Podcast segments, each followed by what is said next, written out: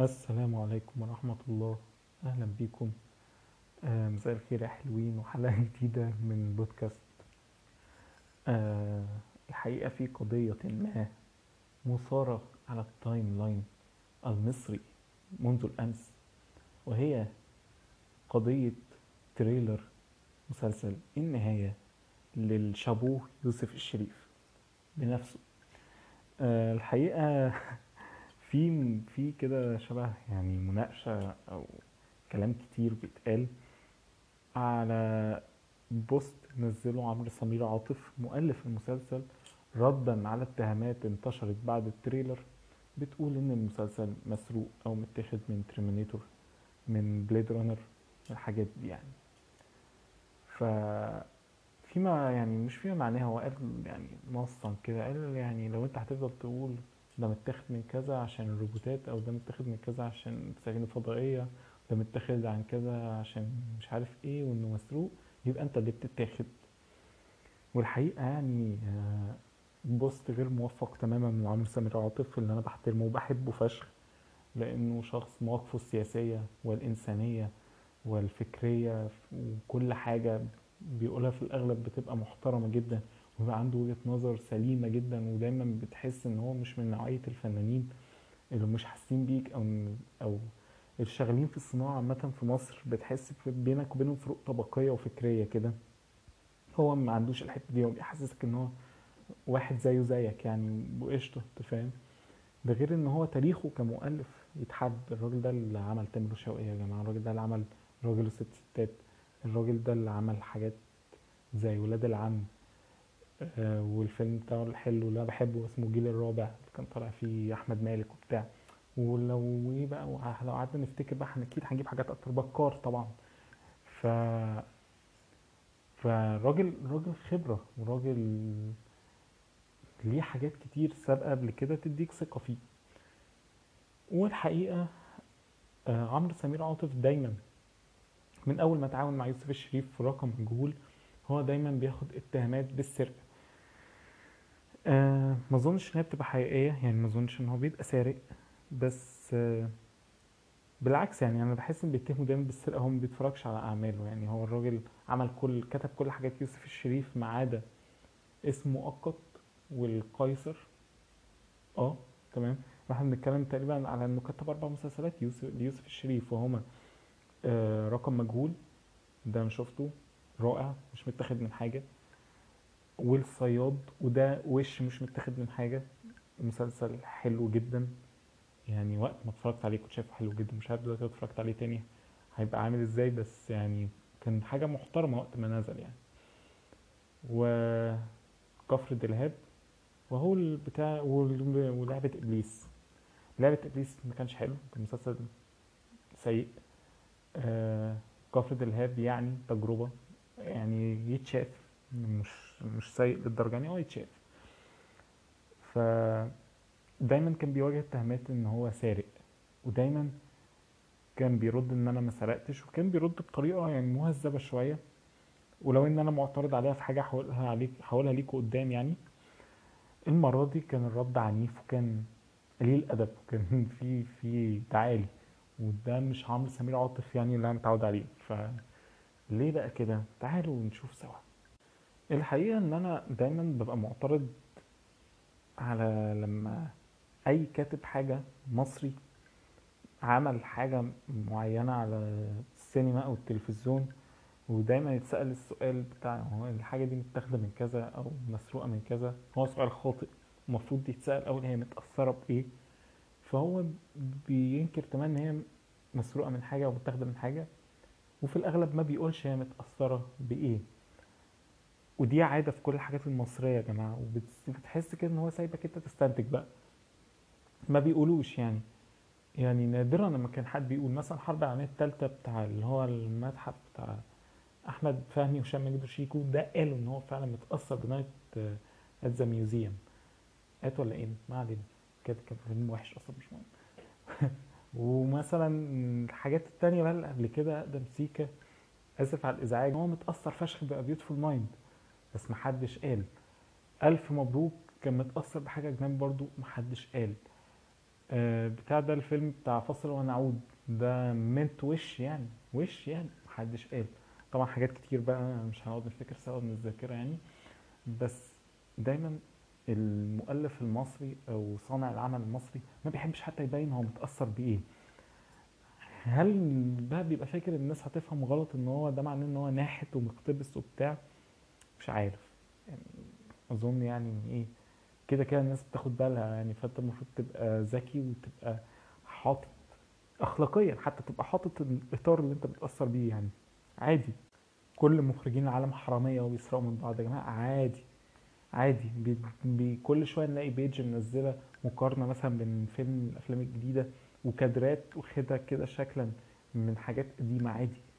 وده اتعمل في مصر حتى وأفكار بتبقى متاخدة يا جماعة وتيمات بنمشي فيها عادي. آسف على الإزعاج مثلا ما هو واخد التيمة بتاعت Beautiful Mind في. في المرض اللي عند الشخصية الرئيسية. ومع ذلك هو مختلف عنه تماما فاصل ونعود. ميمنتو حاجة وده حاجة. فطبعا مع فرق ال quality يعني مش بقارن quality ببعض بقارن فكرة. فمش عارف ليه الناس دايما في مصر بتكش قوي من الحوار ده. والموضوع بقى بعد كده إيه بقى؟ بقيت تحسه مش أخلاقي مش مش صحيح.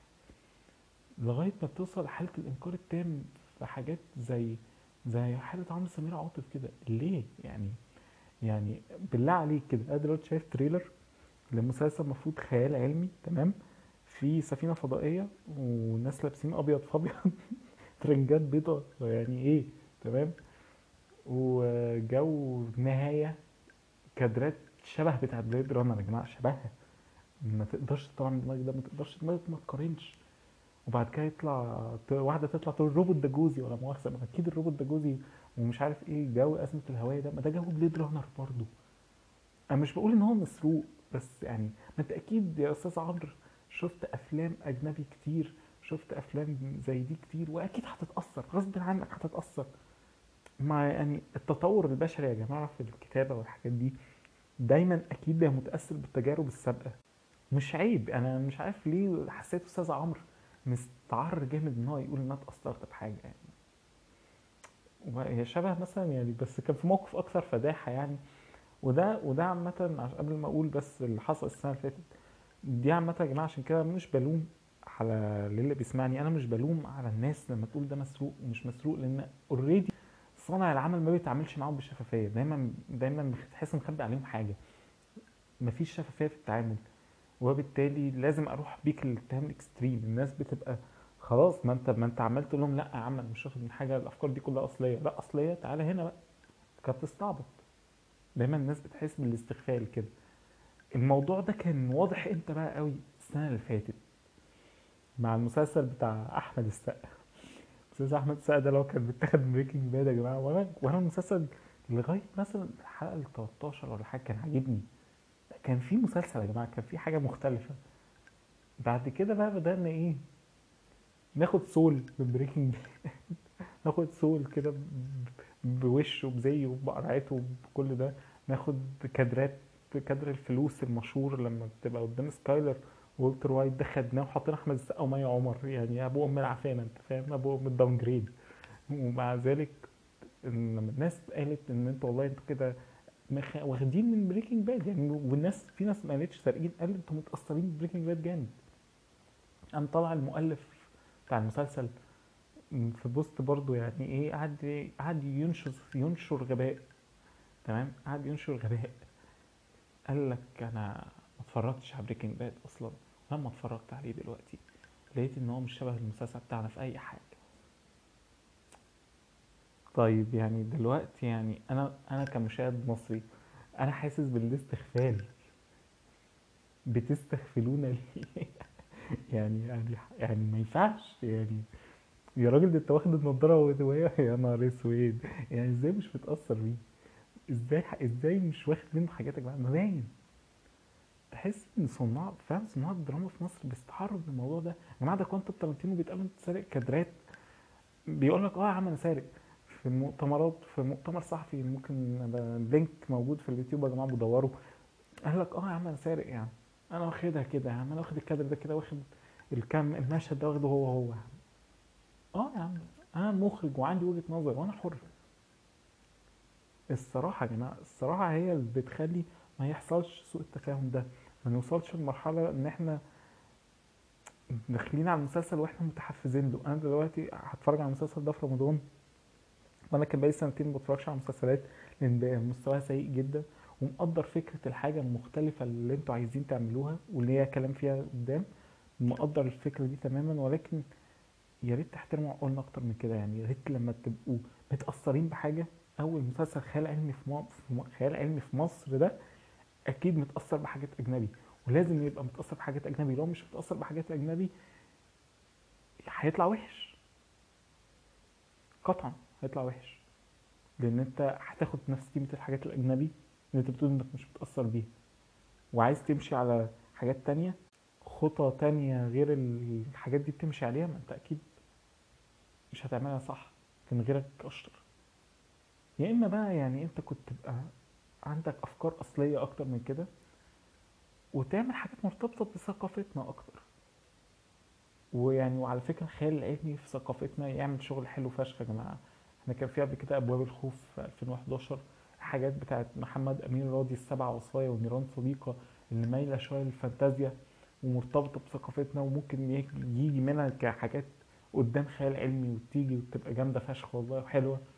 طالما أنتم مش عايزين تقولوا انكم متأثرين بالحاجات اللي بره أو مقتبسين منها.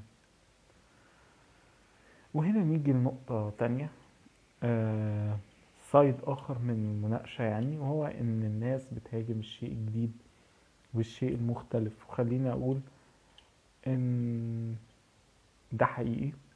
بحس أحيانا برضو الناس بتقسو على التجارب الجديدة. أنا عن نفسي يعني أنا قبل أي حاجة أنا لما المسلسل ده هينزل أكيد هضحك في مشاهد أنا كنت بضحك وأنا بتفرج على البرومو في حاجات معينة. ولكن هقدر برضو الناس دي بتحاول تعمل شيء مختلف رغم كل حاجة يعني. وأرجع أقول برضو صناع الدراما هم اللي حطوا نفسهم في الموقف ده.